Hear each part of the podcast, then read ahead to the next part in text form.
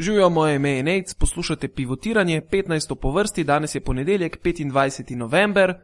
Tokratni gost je Aleksandar Lazarevič, idejni vodja srpskega MVP portala, s katerim bova govorila o situaciji v regionalni košarki. To je na kratko to, analize danes ne bo, zato pa bo tukaj Aco malo več povedal. Ajde, vozi Miško. Uh, ja sam mislio da bismo krenuli nekako, ne znam, sa čisto pričom možda o, o tvom sajtu, o MVP-u, kako se to razvija i, i u koliko vreme su se postigli ti neki rezultati i, i onda od toga nekako krećemo i na regionalnu ligu i pogled sa srpske strane na regionalnu ligu. A posle gde god će da nas vodi, to ćemo... Važi, nema problema. Ovako, pa MVP portal je nastao, uh, ideja je postojala već neko duže vreme, Ovaj, uh, I mi, mi smo konačno u realizaciju tog, tog plana krenuli prethodnog leta, pre godinu i po dana skoro sada. Uh, ja imam ne, nešto malo, da tako kažem, iskustva u novinarstvu i to, to je sve grupa ljubitelja košarke a, kojima ja dosta pomažem i oni meni naravno i tu o, o, pokušavamo da, da u Srbiji e, predstavimo košarku na način koji mi mislimo da ona zaslužuje. Znači, da to ne bude da to ne bude pisanje o, o, o, o stvarima koje nemaju puno veze sa igrom. E, da, da, da pišemo samo o košarci, bukvalno o igri, igrač je bitan uh, i, i ništa više od toga. Teren je merilo i to je to. I zbog toga i izbegavamo da, da, da pišemo sve one ružne stvari koje se dešavaju i u regionalnoj ligi, posebno kada krene naša Superliga. Tu je mnogo priča o suđenju, pre svega o suđenju, jer bukvalno u Srbiji pred svaki derbi, pred svaku utakmicu Eurolige, ABA lige, koja je bitna za, eto tako da kažem, vodeće klubove Zvezdu i Partizan, jer su oni centar svih dešavanja u srpskoj košarci. E, po forumima, počinju priče o tome ko sudi, ovaj će da nas pokrade, pokrade. i tako da. dalje. I to se sada prenosi na Euroligu gde se tu gleda u istoriju nazad koliko, kako je koji sudija sudio i eto to tako ide u krug i to je neki um, neki kako to da kažem model ponašanja postao da jednostavno uh, u, u, srps, u srpskoj košarci uh, E, nećete doživeti da večiti rivali jedni drugima pruže ruku, Priznaju, pruže ruku da. posle poraza, da kažu ok, bili ste bolji i, i da se na tome završi. Uvek će, uvek će neko drugi i treći biti kriv za poraz osim igrača na terenu i trenera koji je spremio ili nije spremio taktiku. Da, u stvari to mi je bilo baš sledeće pitanje. Da li su sudije u, u regionu stvarno toliko loše? Jer mislim svaki put kada gledam postoji neki problem sa baš to, sa sudijama. Recimo isto sada posle derbija je opet se ista pa, stvar desila. Pa okolnosti nisam uspeo da pogledam derbi, nadam se da ću sutra uspeti da pogledam. Uh, pa ja lično smatram da da sudije nikada ne mogu da budu krive za poraz jedne ekipe ili za pobedu druge ekipe. U redu mogu da postoje i postoje greške, ali greše igrači, greše i treneri, moraju i sudije da greše. Kod nas na sajtu je baš Milan Mažić piše blog mm. u kome pokušava da približi, mislim da to ima do, do, dosta dobrog efekta, pokušava da približi sudije o običnim ljubiteljima košarke. I gde, gde mi je on u jednom razgovoru rekao, mislim da je čak u jednom blogu napisao, igrač koji šutira 50% iz igre je odličan igrač a sudija koji dosudi 90% odluka dobro, 10 pogreši je loš sudija. Mm -hmm. o, tako da ne znam šta ne znam kako bih rekao kako bih odgovorio na to pitanje.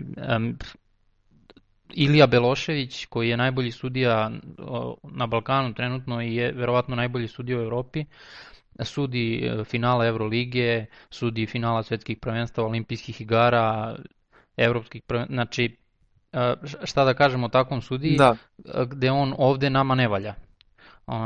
Očigledno postoji problem u klubovima, te, teško se živi, to je teško klubovi preživljavaju. Imamo situaciju da se u poslednjih 3 ili 4 godine ugasio Zagreb, maltene uh, Split, uh, Hemofarm, FMP, Crvena zvezda su postali jedan klub uh, i jednostavno ljudi koji vode klubove, ja kažem u srpskoj košarci se sve vrti oko Crvene zvezde i Partizana, to je velika masa navijača koja jednostavno ne priznaje da je drugi bolji.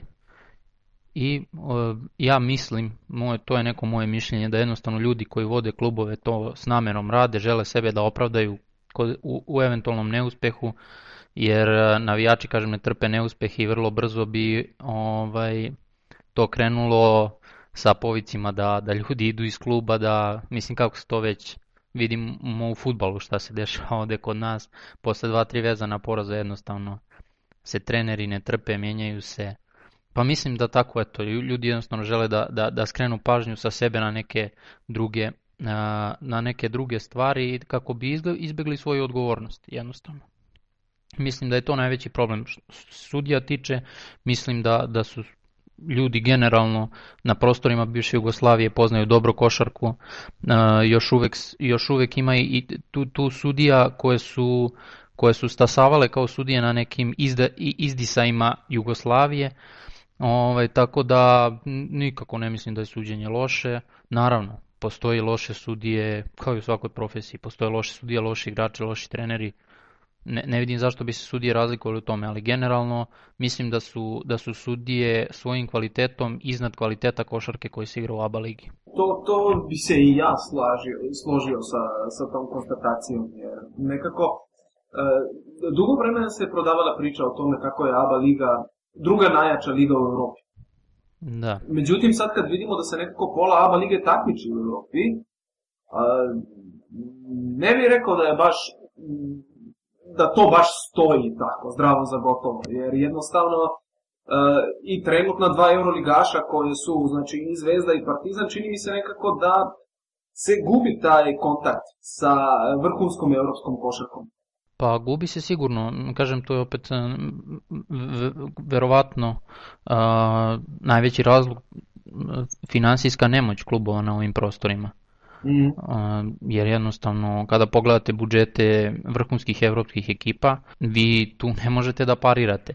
A, klubovi su prinuđeni da dovode neke američke igrače sumnjivog kvaliteta i kažem dok se oni naviknu na, na evropsku košarku, tu prođe godinu dana, oni kasnije obezbede sebi bolje ugovore i, i opet ili za one klubove koji pogode naravno, za one koji ne da. pogode, oni su prinuđeni da menjaju te strance u toku sezone i to tako ide u krug. A, ekipe iz tog nekog gornjeg doma evropske košarke imaju mogućnosti da zadrže timove na okupu po par sezona i samim tim su i bolji. Ovaj, da ne kažem što je i, i, i tržište njihovo a, mnogo, moćnije, mnogo veće, mnogo veće da. finansijski moćnije, a, i lige su bolje, kažem opet, eto, to, ta ABA liga, sam si rekao, a, pro, prodavali su dugo priču ovde da je to druga najjača liga u Evropi, ona nije ni u pet najjačih liga u Evropi, sasvim sigurno. Mm.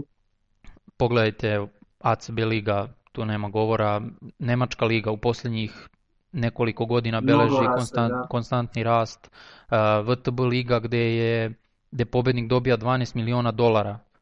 Mm. To, toliko verovatno. To tri, tri budžeta verovatno Crvene zvezde. pa to je, to je otprilike eto, budžet 14, eto, da ne preterujem, ali o, ovaj, da. a, ne računajući Zvezdu, Partizan i Cedevitu, to je verovatno budžet ostalih 11 klubova koji igraju u ABA ligi. O, da. ovaj, tako da no, e, u, pogled, u tom pogledu mi nikako ne možemo da pariramo. Mislim da je, da je put kojim bi trebalo da idu klubovi na ovim prostorima e, jednostavno ono što Partizan radi godinama s tim što i njihov sistem ima, ima dosta mana. To, eto, Partizan ide i široki u nekom manjem obimu, da jednostavno moraju da se, bazi, da se baziraju na domaći igrače, da tu stvaraju jezgru od, od mladih igrača koje će pojačati sa jednom ili dvojicom, jednim ili dvojicom dobrih stranaca od kojih i ti mladi igrači mogu da uče i, i da tako, da tako uh, nastupaju i u Evropi i u ABA ligi.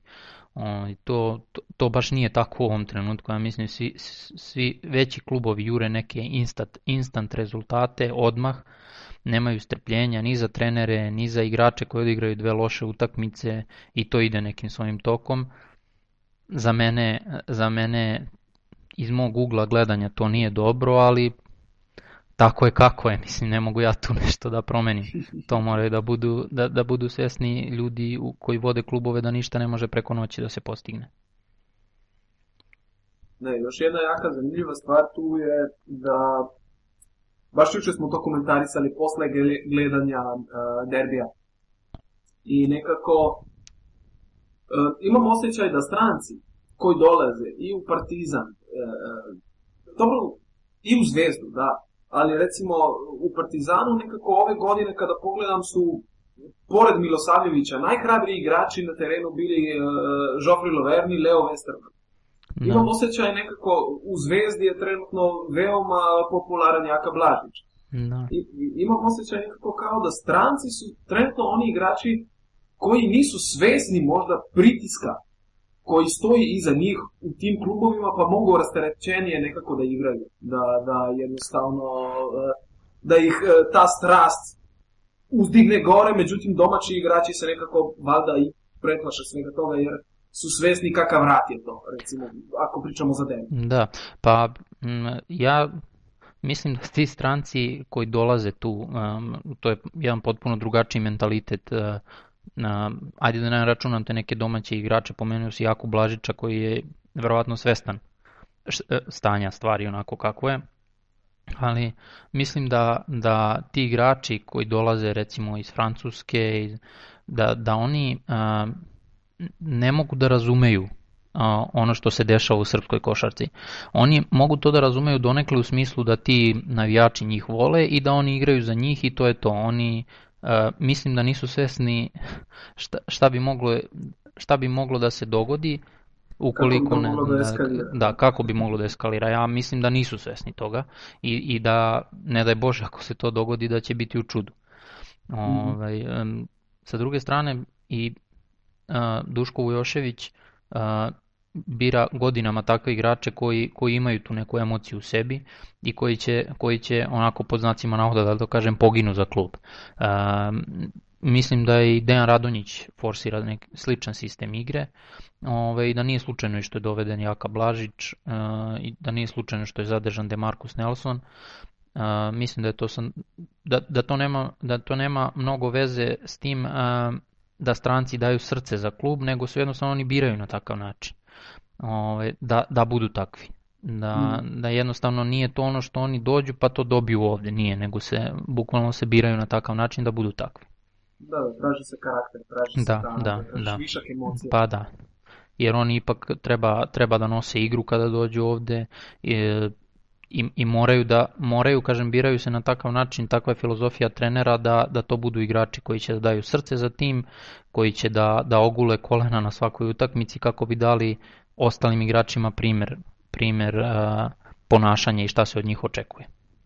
Kako komentarišeš recimo uh, činjenicu da nema više na tim prostorima uh, onog pravog, da kažem, šmekerskog šutera, koji, koji su recimo i u Srbiji još uvek nekako u mlađim kategorijama prisutni, ali, ali posle to nekako nestane.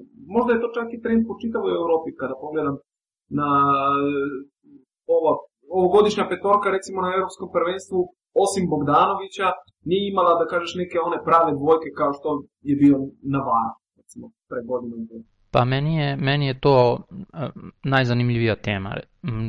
Ti, ti problemi, um, pre svega u srpskoj košarci koji se javljaju, mislim da postoje takvi igrači, ali da jednostavno se kod njih uh, to, to, taj, taj eto da kažem po znacima navoda bezobrazlu koji ima Navarro, da se to ubija već sa 14-15 godina kod njih, jer e, se oni postavljaju nekakve sisteme, a, igre, opterećuje se taktikama u, od kadetskog uzrasta i ranije, e, tako da oni tu svoju drskost, taj svoj talenat u šutu ne mogu da je ispolje kasnije, kada kažem eto u tom nekom najranijem dobu se to kod njih ubije.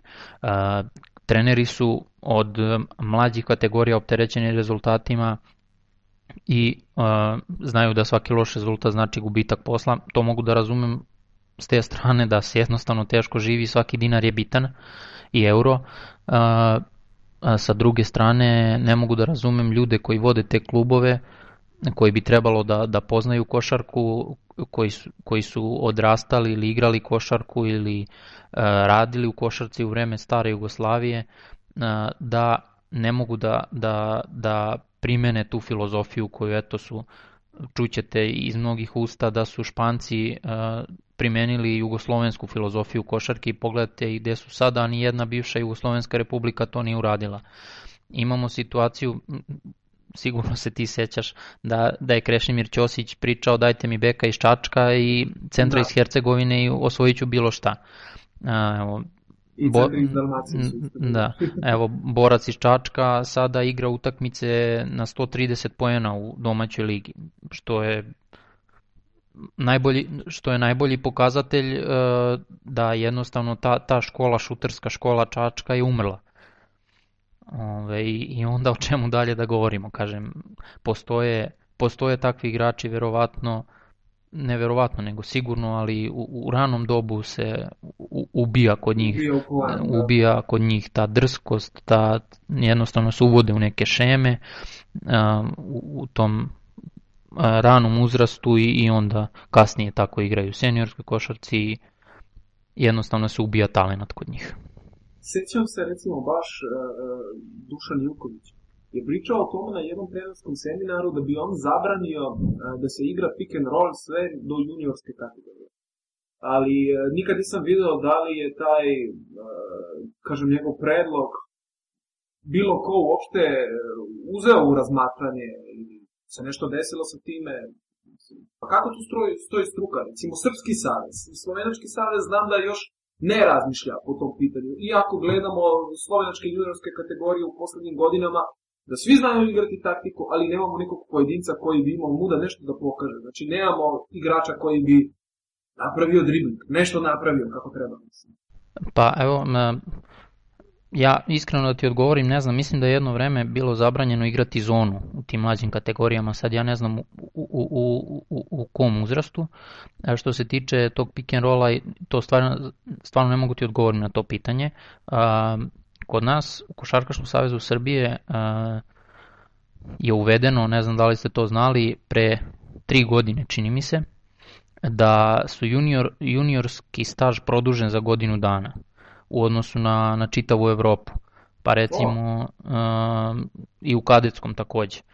Pa problem je nastao što se ti mladi igrači kad, kad su izlazili iz juniorskih ekipa nisu imali gde da igraju. I onda su u Košarkaškom savezu na, pronašli genijalno rešenje da, da produže juniorski staž godinu dana, pa smo onda imali situaciju da juniorske ekipe u jednom sastavu igraju juniorsku ligu, a u drugom sastavu te recimo kvalifikacije za tu juniorsku Euroligu, gde su dolazili, gde su igrali godinu dana mlađi igrači. Ovaj, tako da umesto da se radi na tome da se, da se poboljša seniorska košarka, oni su na taj način, čini mi se, tim igračima dodatno zatvorili, zatvorili vrata seniorske košarke. Uh, u Srpskoj Srpski košarkaški savez, mislim, sad moram pazim šta ću ja kažem, o, meni se lično ne sviđa način na koji oni rade.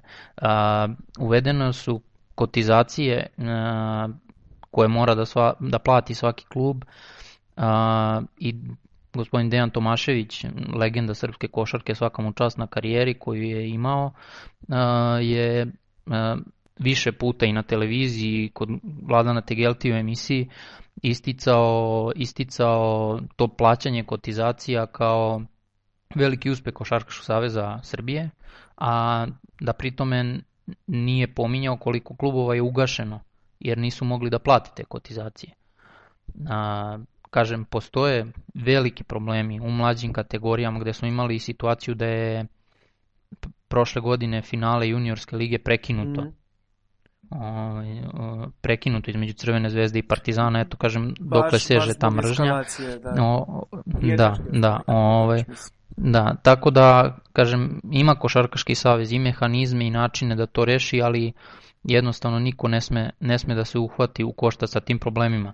Imamo i situaciju, baš da se vratim na pitanje koje si postavio vezano za struku, gde je gospodin Dejan Mijatović zadužen za sve mlađe reprezentativne kategorije u Košarkaškom savezu Srbije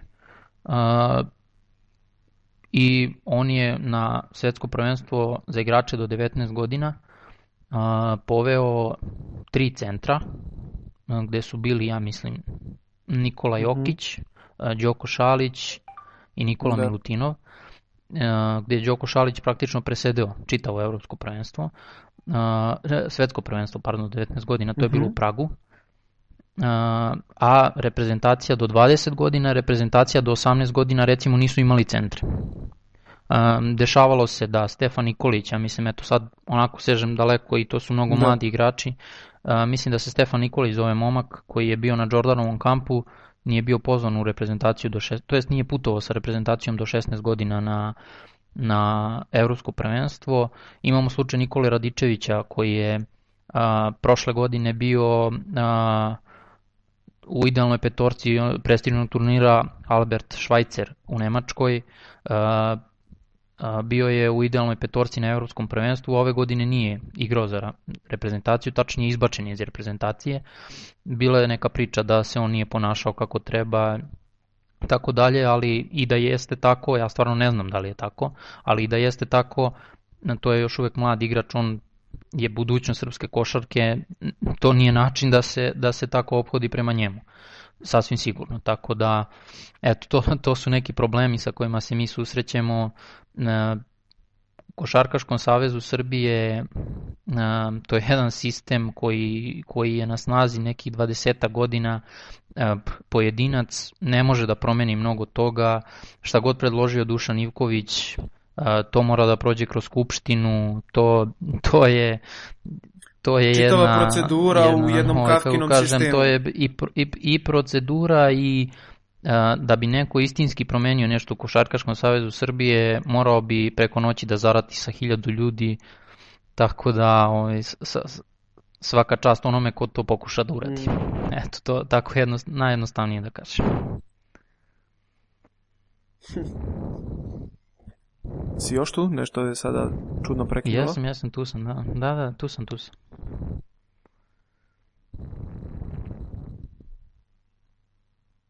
Halo, jel me čuješ? Mm -hmm. Halo?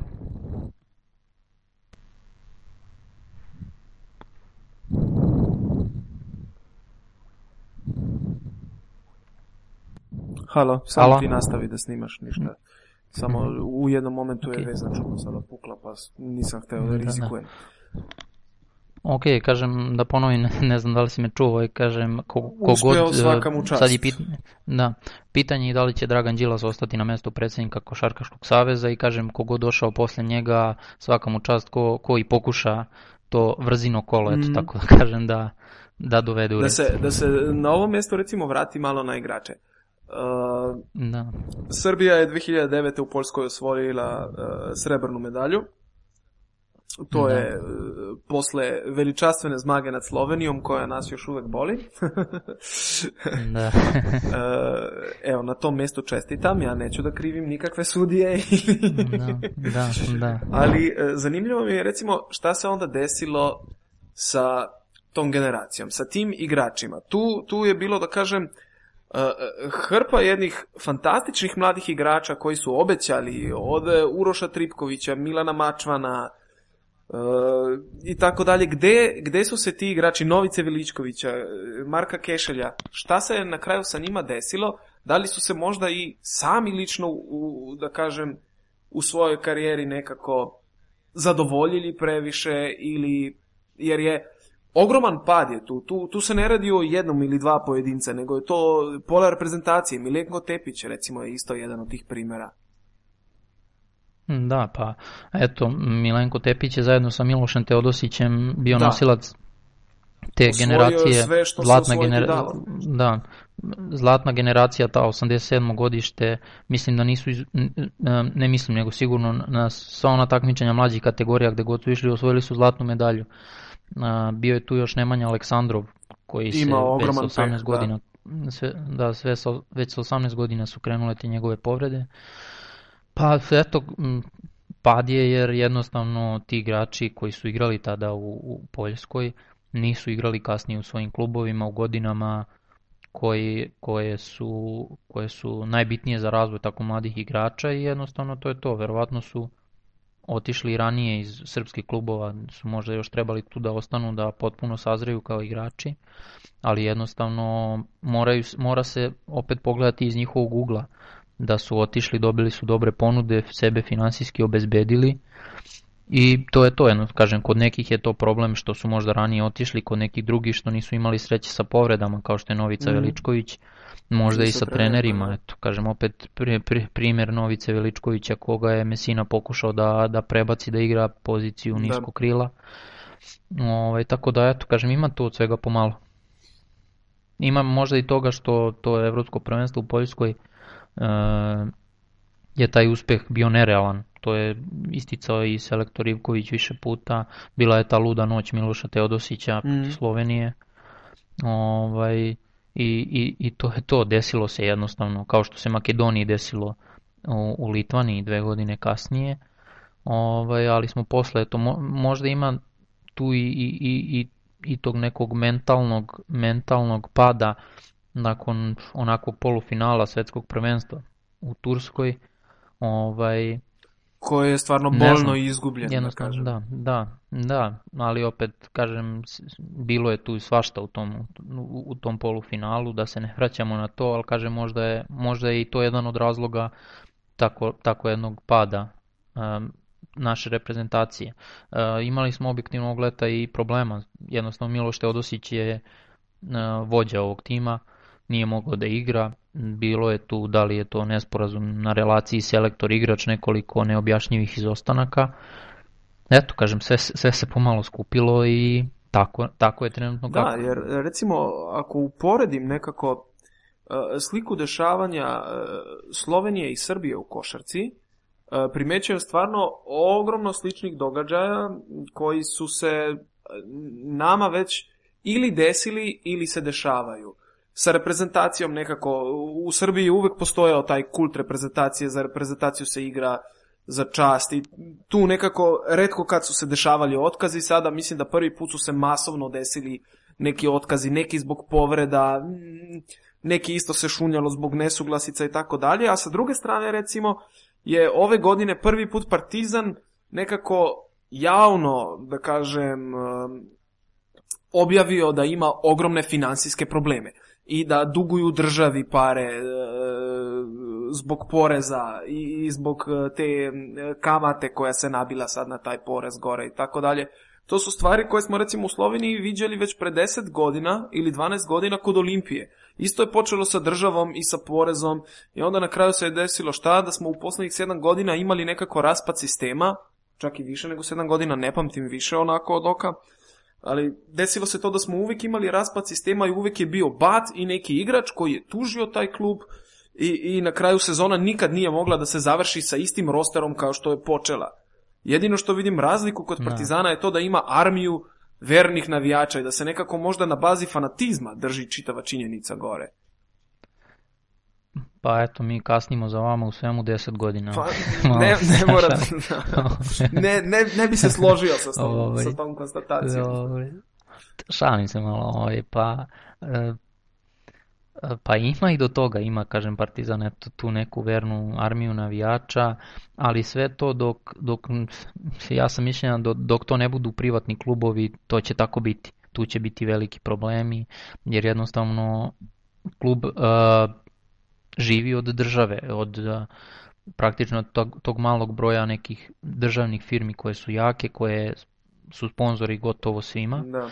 i naravno ima tu i prijatelja kluba, nekih privatnih firmi koje, koje su sponzori i to se nekako eto krpi kraj sa krajem. Partizan je godinama unazad e, imao i te neke prihode od prodaje igrača, bilo je tu da ne nabrajam, ajde u nekoj novijoj istoriji što se svi sećaju, Tepić, Tripković, Veličković, Aleks Marić, Nikola Peković, a, Nikola Peković, Jan Veseli, mm. ovaj, pa su i tu, tu imali a, određene prihode. To je poslednje dve godine a, poslednje dve godine, ajde, posle odlaska Veselo. Lule je još nije... otišao za, za te pare. Da. Pa da, eto, Lučić, ali mislim da to nisu neke pare koje značajno mogu da pomognu klubu. I kažem, dok to ne bude privatno vlasništvo, to će tako biti. To će se krpiti s kraj s krajem, krpiti kraj s krajem i to će tako da funkcioniše.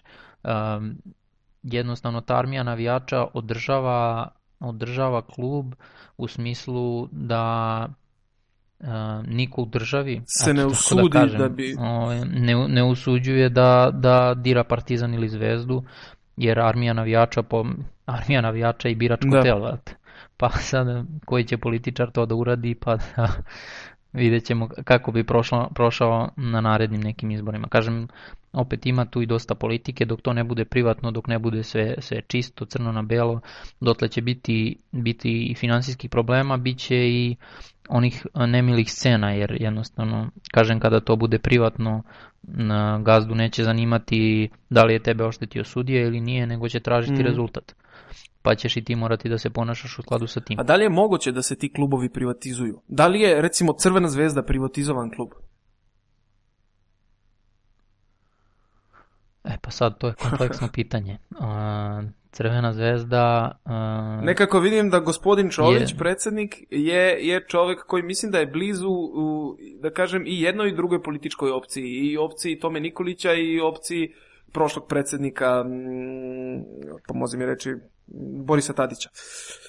Da, pa ja stvarno ne bih želeo pričati o politici. Dobro, da, ono, što, ali... ono što je Crvena zvezda je napravila jedan petogodišnji plan a, gde je sportsko društvo a, e, koliko sam ja informisan, mislim da sam dobro informisan, sportsko društvo dalo FNP-u grb i ime na korišćenje, uh mhm. -huh. a, gde, se, gde je napravljen, napravljen kažem, petogodišnji plan A, tako da FNP pomogne, pomogne Crvenoj zvezdi da izađe iz tih svojih dugova. Prema pričanju gospodina Čovića, na veliki deo tih dugovanja koja su pominjani 15-16 miliona evra je regulisan, ostalo je nešto malo koje će se, eto kažem, do tih posle ove sezone biće još dve godine do realizacije tog petogodišnjeg plana, tako da eto, mislim da ćemo tada imati kada istekne taj ugovor petogodišnji imati realnu sliku kako je šta, je tu, kako je šta se tu dešavalo. Ono što je činjenica je da se FNP fuzionisao sa Crvenom zvezdom i uh, da je sportsko društvo Crvene zvezde uh, taj plan podržalo. E sada, kažem, i MVP i ja lično se ne bavimo tim mm. stvarima, nama je bitna košarka i ono što je bitno za košarku u Srbiji je da, da postoji, postoji što više jakih klubova.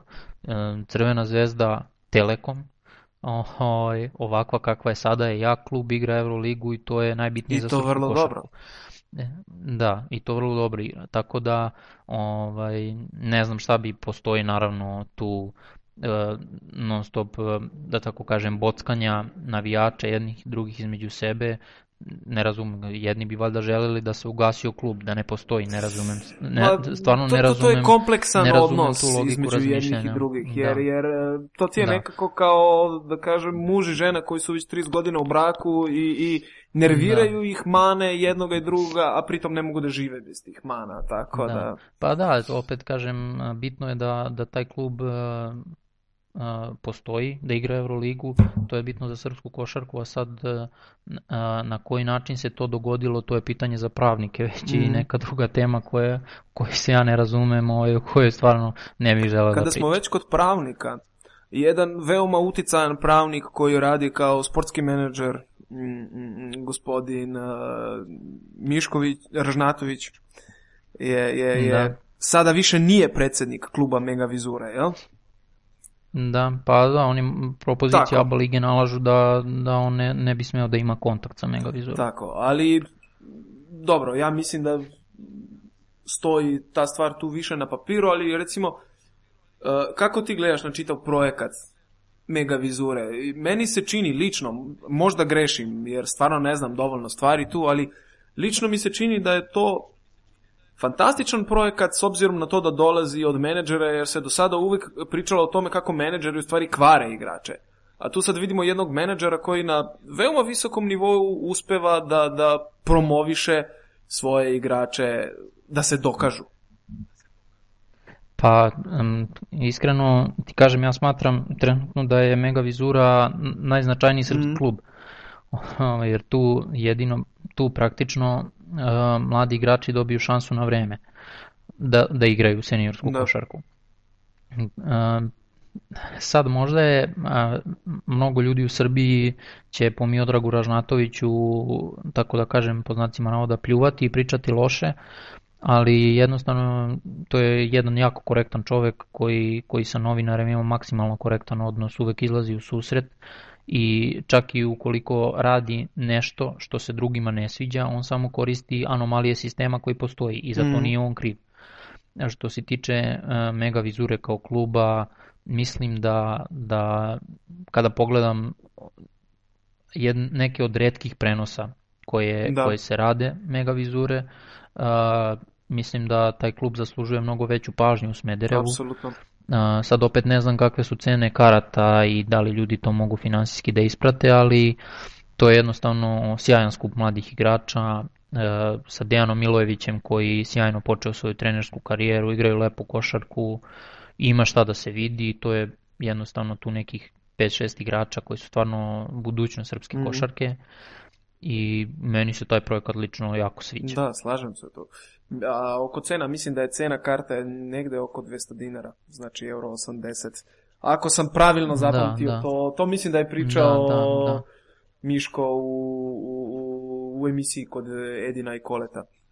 Da. U obruču, da. Pa ja jednostavno kažem nisam mnogo ispratio jer u Beogradu sam tu pa ne mogu baš da stignu da odem da gledam te utakmice, kažem ne znam kakva je cena karata, da li je to problem, ukoliko to nije problem, zaista ne vidim zbog čega ljudi u Smederevu ne prate više Megavizuru. Mada je to verovatno vezano sa opadanjem popularnosti košarke kao sporta u Srbiji. To je teško verovati. Nekako iznenađujuća informacija. Pa, to je jednostavno tako, to se vidi na svakom koraku, to se vidi po broju mlade, mladi, mladića koji igraju basket ispred zgrade, toga Dobro, više to su i iPad generacije, da kažem. koji je bio ranije. Pa da, ima i toga, kažem, ali opet ta deca koja su na polju igraju tenis. Mm -hmm. Te god moguće zategnu neki kanap pa se igra tenis opet kažem, to ima, opet da se vratimo i na Košarkaški savez Srbije, problem Košarkaškog saveza što ne radi promocije košarke i, i što je dozvolio da, da iz jednog opšteg ludila za košarkom dođemo u situaciju da, da imamo dva ili tri jaka mm. kluba za, za regionalnu ligu. Uh, kako gledaš, evo, regionalna liga? Uh, puno, puno priča je bilo oko toga da li je regionalna liga kao takva uopšte smislena, uh, pogotovo uh, da kažem neki srpski stručnjaci su više želeli da bi se možda formirala jača srpska liga. Da, da srpski klubovi mali, nekada veliki centri košarke gube na tome. Recimo Kraljevo ne vidi više uh, svojih najboljih timova. Čačak takođe ne i, i ima tih klubova gde Partizan i Zvezda više ne dolaze, jer kada počinje Srpska Superliga, jednostavno tih klubova tamo nema. Pa, jednostavno je tako. A, dete neće otići na košarku ukoliko ne vidi Zvezdu ili Partizan. Ko, neće sigurno ići da trenira košarku zbog toga što će u Čačku u svo poštovanje da gostuje Konstantin iz Niša nego su svi uh, ludi jednostavno. U Srbiji je to tako ili navijaš za Zvezdu ili navijaš da. za Partizan. Ukoliko ne gledaš Zvezdu ili Partizan, ukoliko nemaš svoje neke idole, ovaj, nećeš nići da treniraš košarku, gledaš ćeš Novaka Đokovića i ići ćeš da udaraš lopticom i, re, i reketom ispred zgrade. Ovaj, um, lično sam pristalica da se formira uh, ta neka liga bivše Jugoslavije, ali ne na ovaj način na koji je to sada mm. urađeno. Uh, mora da postoji sistem takmičenja gde bi se znalo šta donosi koje Da. mesto i šta odnosi koje mesto, da postoji uh, niži nivo takmičenja gde se ispada iz To kojih se ulazi u ligu. se da i ne- formiranje te da- druge neke ABA lige, da kažem. Da, da, da, posto, da ne postoji ograničen broj timova iz jedne zemlje, da ne postoje timovi koji učestvuju u ligi i ne gube i ne dobijaju ništa tim učešćem, mogu da igraju jedan dan sa juniorskom ekipom, drugi dan sa najjačim timom, A, to jednostavno sve utiče na regularnost takmičenja. A, mislim da je od osnivanja ABA lige, koliko je prošlo već 12-13 godina, a, srpska košarka mnogo više izgubila nego što je dobila. Ti neki košarkaški centri su ugašeni potpuno ili se još ne, na neki sulud način drže u životu, a da ovi najjači klubovi nisu mnogo, nisu mnogo toga dobili. A, mislim da bi igrači koji igraju, mladi igrači, recimo koji igraju u Crvenoj zvezdi i Partizanu, Radničkom iz Kragujevca i Mega Vizuri, da bi mnogo više igrački napredovali i mnogo više bi im značile utakmice u Čačku pred punom halom a, protiv tog borca koliko god da je jak ili slab, a, da bi se tu kalili bolje kao igrači a, nego u Zagrebu protiv Cibone pred 100 ljudi, protiv Cedevite pred 200 ljudi, bez obzira na to koliko su ti timovi jaki ili Mhm. nisu jaki. A, jednostavno, kažem, to zainteresovanost ljudi je bila par, prvih par godina a, na visokom nivou, verovatno na nivou če, cele te stare Jugoslavije. Ove, ove sezone konkretno mislim da, da srpski klubovi i kvalitetom, a, mislim da je to poslednjih nekoliko godina, čak i od osnivanja ABA lige, da srpski klubovi kvalitetom a, mnogo više dobijaju od ABA lige nego što, što od nje dobijaju. Ali opet tu postoji problem ljudi koji vode srpske klubove koji ne mogu da se dogovore oko najjednostavnijih stvari gde će jedan a, biti protiv onoga što ovaj drugi predloži samo zbog toga jer je on to predložio. Ovaj, tako da ovaj, kažem, tu postoji pre svega problem a, na nivou srpskih klubova da se oni dogovore šta žele. ABA liga i koristi tu njihovu neku neslogu, oni daju kvalitet ABA ligi, a u njoj se praktično ništa ne pitaju. Tako da to, to će trajati dok se oni ne dogovore. Da li će se dogovore ili ne, sumnjam, ali eto, jednostavno je tako. Mislim da je srpska košarka mnogo izgubila a, time što su klubovi otišli na Jadran, ovaj, a sad eto vidjet ćemo, otišli su zbog Eurolige, lakše im je bilo tada da uđu kroz ABA ligu, vidimo da Euroliga se sve lošije, da tako kažem, obhodi Da. prema ABA ligi, da je to sada svedeno praktično na dva kluba, pretpostavljam da će u nekoj doglednoj budućnosti to biti samo jedan tim i to je to. Da, Iskreno, moje mišljenje je da ABA liga i ne zaslužuje više od jednog tima u Euroligi. pa sve tako izgleda. Kada već pričamo sad o Euroligi, kakve misliš da su šanse e, večitih da prođu u, u, u fazu 16? Pa pre početka takmičenja u Euroligi m, izgledalo je da će Partizanu put u top 16 biti dosta lakši nego Crvenoj zvezdi. Gde je Partizan imao jednu grupu u kojoj postoje tri tima, kao što su Fenerbahče, Barcelona i CSKA, za koje se Da očekivalo da, napred. da se između Da. sebe, da, da su napred i da se između sebe bore za prva tri mesta, a da se Budiveljnik, Partizan i Nanter bore za to četvrto mesto. I činilo se da Partizan čak i sa dve pobede kod kuće može dalje. Međutim i, i ta pobeda Nantera nad Barcelonom je dosta toga promenila. stvari, da. a, da, a, a pre svega te silne povrede koje su zadesile igrače Partizana. Um, koliko sam ja informisan, oni trenutno traže jednog igrača na poziciji 3-4 i jednog igrača na poziciji playmakera. Uh, koliko će njima trebati vremena da se uklope, koliko će trebati vremena da se uigraju sa timom, kako će to da izgleda, vidjet ćemo za nekih mjesec dana kada, kada prođu sve te bitne utakmice. Trenutno kako stoje stvari mislim da, da Partizan uh, Partizan će jako teško u top 16 fazu. Mo, praktično mo, moraju da, da pobede kod kuće ili Barcelonu ili CSKA, Budivelnik se podrazumeva, ili kažem Barcelonu ili CSKA kod kuće ili Nanter u gostima. Mm. A to će iz ove perspektive onako biti jako teško sad ne, ne, neće biti prvi put da oni naprave neko čudo, tako da eto da kažem da, da su im šanse nekih 50-50 možda da možda i manje da, da uđu u top 16 fazu. Uh, što se Crvene zvezde tiče, uh, pre početka takmičenja smo svi mislili i ispostavilo se tako da je to jako ujednačena grupa gde svako svakog može da dobije i svako od svakog može da izgubi. E, to se ispostavilo mm. kao tačno, evo imamo, pra, praktično su se izdvojili samo Makabi i Lokomotiva Kubanj, e, ostali su svi i dalje u igri, osim eto kažem Lijetos Ritasa koji ima nešto manje šanse. Crvena zvezda je e, pobedom nad Laboral kućom tamo u Vitoriji sebe vratila u život gde su bili u jednoj bezizlaznoj mm. situaciji i mislim da, da pobeda protiv Makabija i Kahe Laboral, to jest Laboral kuće kako se sad zovu u Beogradu, bi trebalo da im bude dovoljno za prolaz dalje. Sad, a, to će biti jako teško za uspeti.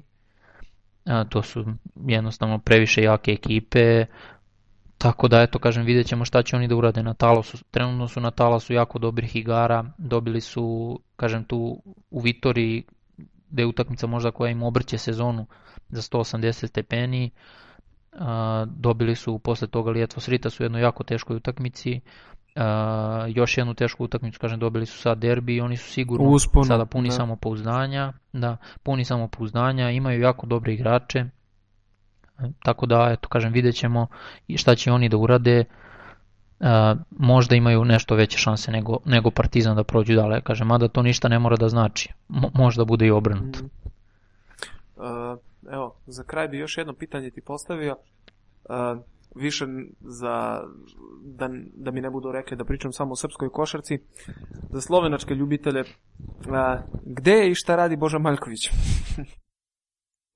Gde je šta radi da. Boža Maljković? Pa ja, ja stvarno ne znam, ne znam čime se on bavi trenutno. Ne, pošto sada smo imali, da kažem, e, prethodnih nekoliko nedelja Esmeraldu, tako smo je nazvali, jer je baš sa srpske strane procurela vest da je Malković već rekao da neće da bude slovenački selektor i da je poslao na savez pismo, međutim naš se savez javio u fazonu mi nismo nikakvog pisma dobili.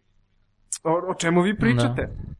A nije bilo ni prvi ni poslednji put da, da možda stvarno bilo poslednji, e, da Malković kaže nešto u Srbiji, kao što je bilo za povredu Erazma Lorpka, za koga smo u stvari svi znali da, da oni koji pratimo da najverovatnije neće moći da igra na evropskom prvenstvu zato što je vukao sve te povrede preko cele sezone i videlo se da čovek jedva igra na kraju. Da, uh, da. Ali tada opet Savez ništa nije znao. I tako da smo sad poslednje dve da. nedelje onda zezali ljudi na Savezu kao jel stigla već ova pošta? Da.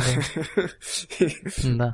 Pa ja ne znam, mislim da smo baš mi objavili to za Erazima Lorbeka, to je on kolegi Panajotović u Nišu rekao da. gde je bio, gde je držao neko predavanje.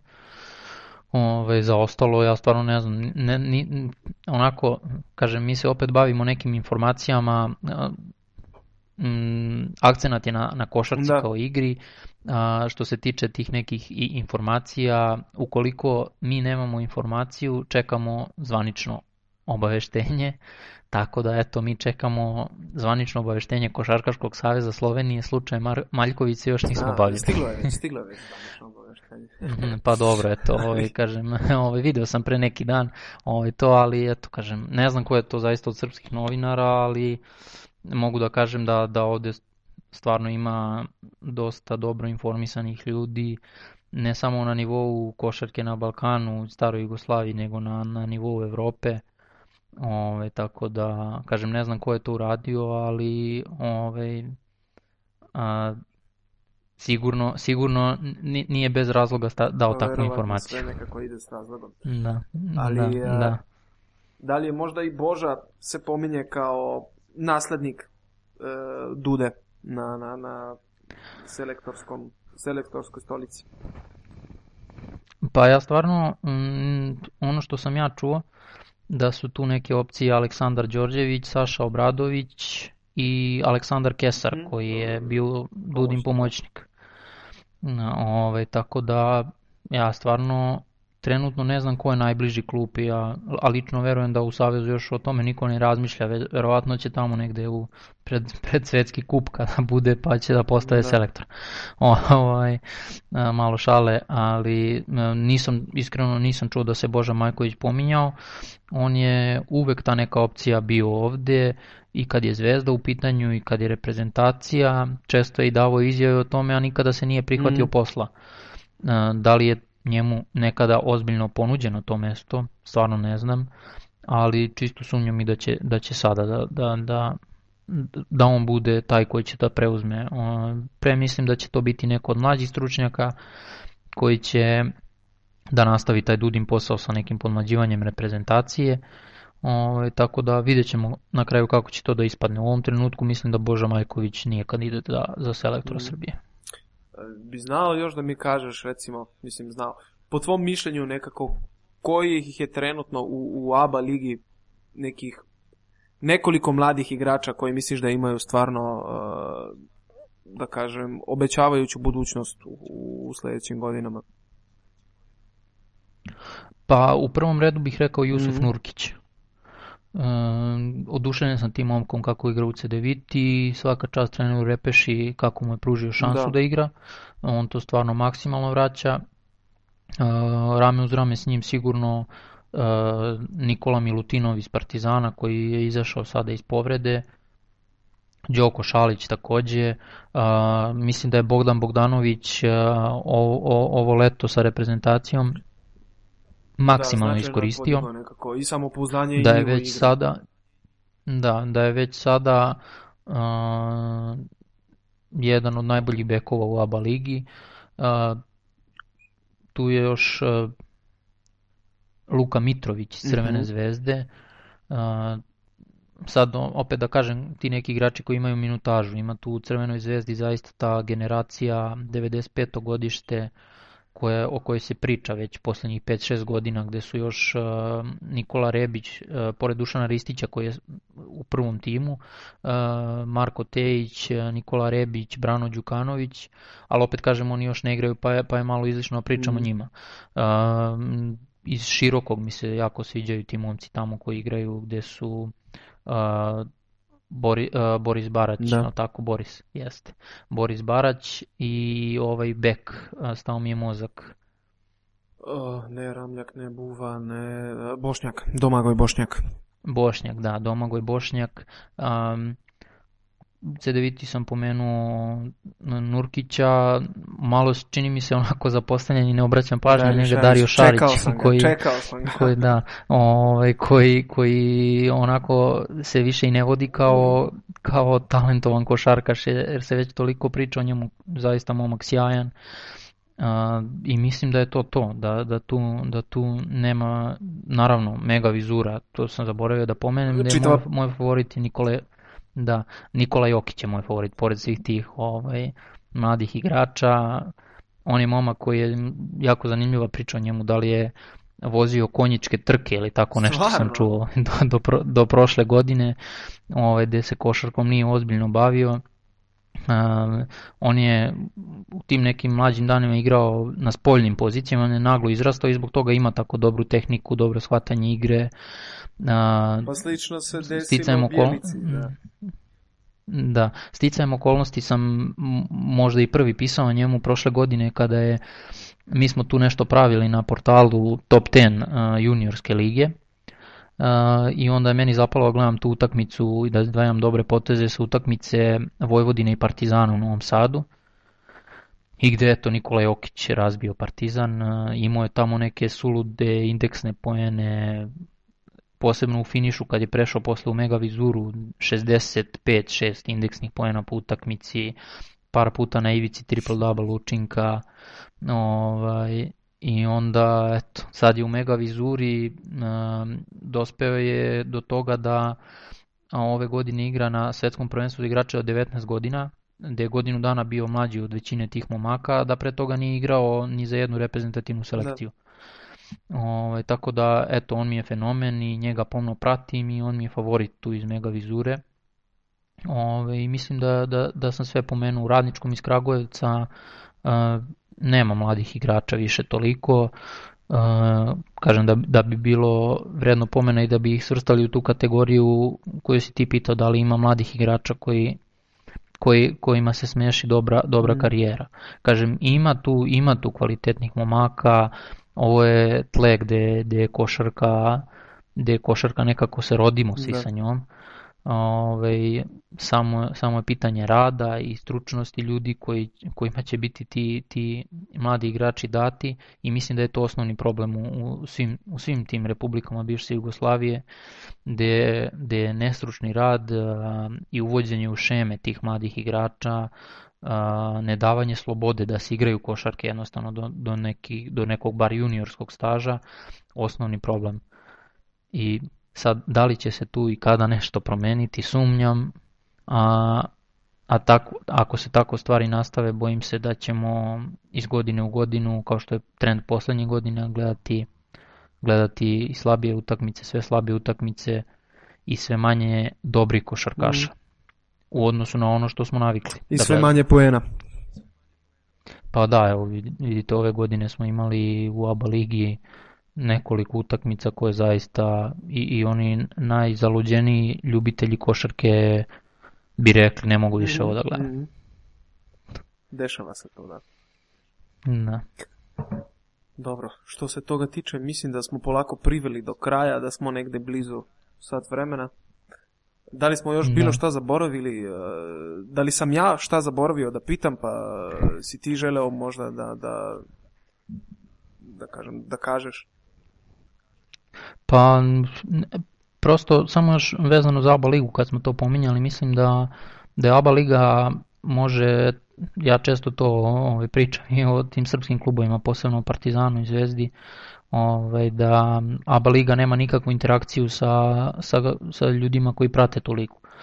Ove, tu, tu ne postoji nikakvi propratni sadržaj, jednostavno se od utakmice do utakmice, e, mislim da ABA liga pored toga što sam pričao da bi trebalo da postoje i niži nivoi takmičenja i sve ono što mm. sam već rekao da uspostavi nekakvu interakciju sa gledaocima, da, da pokušava da privuče ljude na neki način da, da, da malo više prate ta dešavanja. U, Nešto u se trude, video sam da su počeli da objavljuju taj ABBA magazin koji, koji je na engleskom jeziku. E, sa svim highlightsima. Pa eto, ja sam primjer, da, Pa eto recimo ono osnovno ne postoji top 10 da. te lige, recimo mislim da to nije teško da. napraviti. Ok, ja vidim da, da pokušavaju neke pomake u tom smislu da naprave, ali uh, ukoliko nemaju ideje, jednostavno postoji previše dobrih liga u Evropi gde mogu da neke dobre stvari da, da se uzmu. Da se, pa da, ovaj, tako da mislim da, da pored toga što, što bi trebalo da, da se oforme niži nivoi takmičenja kako bi se a, spasilo, da tako kažem, ma, m, još, još nekoliko klubova iz bivše Jugoslavije da, da ne odu amaterizam potpuni, mislim da je ABA liga mora u budućnosti ovaj, ukoliko misli da, da, da opstane, da se i u tom nekom smislu malo više potrudi. Mm. Slažem se sa tim, definitivno. Ima, ima puno, puno mesta za napredak. Pa da, naravno na svim nivoima, uvek, kažem, uvek i u svemu može bolje, ali eto, bar, bar da, da, da tim, i tim ljudima koji već više od decenije prate, da, da ponude neke nove sadržaje i da rade na tome da privuku neke ljude koje to možda trenutno i ne zanima, a vole mm. košarku. Ništa, možda se stvarno formira neki tim, da kažem, e, ne znam, možda volontera, kao smo ti i ja, ili... Da, da, da, znam. da. Pa mislim da ljudi nisu svesni šta sve može da se uradi na, na, na putem volontiranja, mm. eto da tako kažem, ovaj, potrebno je samo malo dobre volje i dobrih ideja. Evo ništa. Nadajmo se da su nešto čuli o tome. da. Ništa, Aca, drago mi je bilo što si gostovao u pivotiranju. To će biti 15. epizoda, A... da kažem, jubilejna. Mhm. Hvala, hvala vam što ste me pozvali. Ovaj, samo da vam poručim da se potrudite malo u tim fantasy igrama. E, da, da, ovaj, e, da, stvarno, da, mislim, malo stvarno tereš nas, to je, to je neviđeno. U stvari, trebali bismo da te pitamo za neki savet. Mislim, evo, ja priznajem, ja drugu godinu ovo igram, ali nekako nisam krenuo kao što sam hteo. Hteo sam sa prikupljanjem poena, kredita više, ali, Mhm, mhm. ali ne ide mi ni jedno ni drugo baš nešto najbolje, a pritom mislio sam da Pa, znam šta radim. Pa e, to, to igranje fantasy igara ovako kako je mi sada igramo, to je jedna, a, kako bih rekao, filozofija Da. potpuno. Ovaj, ja to igram već evo petu sezonu, ja mislim. Možda i šestu, nisam siguran. Ovaj, onako, tako kada sam počinjao da igram, onako mislio sam ja sve znam, ja ću. To je, treba posvetiti mnogo vremena, kažem, ko, koga verovatno svima nama fali. Ovaj, šta znam, postoje različiti pristupi, ovaj, ali ono neki osnovni princip je na početku ne gubiti Da. kredite, nego zaraditi što više kredita, prvih pet kola, šest, pa kasnije sastavljati ekipu ovaj, kada se stabilizuju cene igrača. Kažem, opet treba pratiti te padove rastove cena, a, ovaj, tako da, eto, to je to. Mi smo na MVP-u napravili ove godine, ovaj, pošto su družeći se tako po forumu i po ovaj, ranije na Košarka RS portalu, Mhm.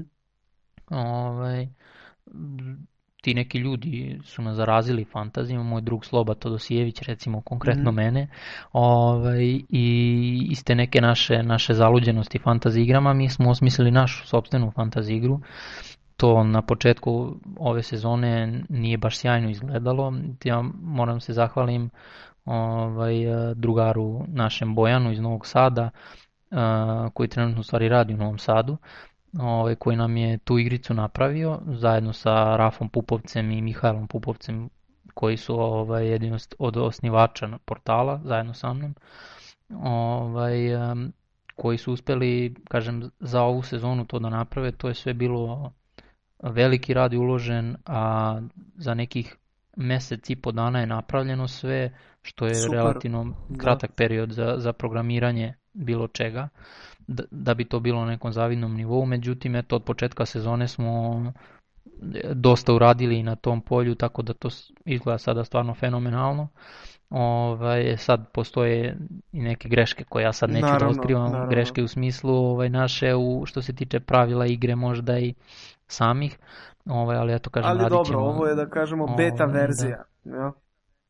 Da, da, ovaj, kažem, radit ćemo mi naporno, radimo i dalje i radit ćemo ovaj, da to bude na početku sljedeće sezone ovaj, a, na jednom vrhunskom nivou zaista. Fantastično. Onda sljedeće godine pivotiranje ligu selimo na MVP, to je definitivno. Pa da, eto kažem, nadam se, to je, to je jedan veliki projekat koji, koji sad trenutno treba uradimo što se tiče fantasy igre, eto ajde da sad ot- otkrivam, pa ko čuje, čuje, ovaj, te privatne lige i postoji neki plan da to bude head to head lige, oni ljubitelji NBA fantazija znaju o čemu se radi. Ove, tako da eto naš plan, ovaj, pa sad šta ćemo svega toga uspeti da ostvarimo, vidjet ćemo pred početak naredne sezone. Super. I stvarno želim vam puno sreće i da to uspe i, i u dovoljno velikom broju da, da, da budete vidjeli da ste zaslužili to priznanje. Pa da, mi, mi smo zadovoljni kako je to profunkcionisalo već ove sezone, ja sam prezadovoljan, tu ima preko hiljadu igrača o, i nekoliko čak igrača igra, Nenad Miljenović nam izašao u susret, ovaj, hvala mu da, da to malo promoviše, ovaj, pobedniku na kraju, moram to ponoviti još jednom, poklanja dres reprezentacije Srbije O, super. svoj, Ove, tako da eto ima, imate i zašto da igrate, ovaj, tako da eto ko izdrži do kraja, ko bude prvi, ovaj, imaće eto kažem tu nagradu, nadam se da će, da će biti nešto više sledeće sezone, ali o tom potom da ne pričam sada mnogo Mm. daleko. Fantastično. I nema ni on puno, da kažem, dresa srpske reprezentacije, jer koliko znam Pa nije nema, debitovao ima, za, za da. seniorsku još.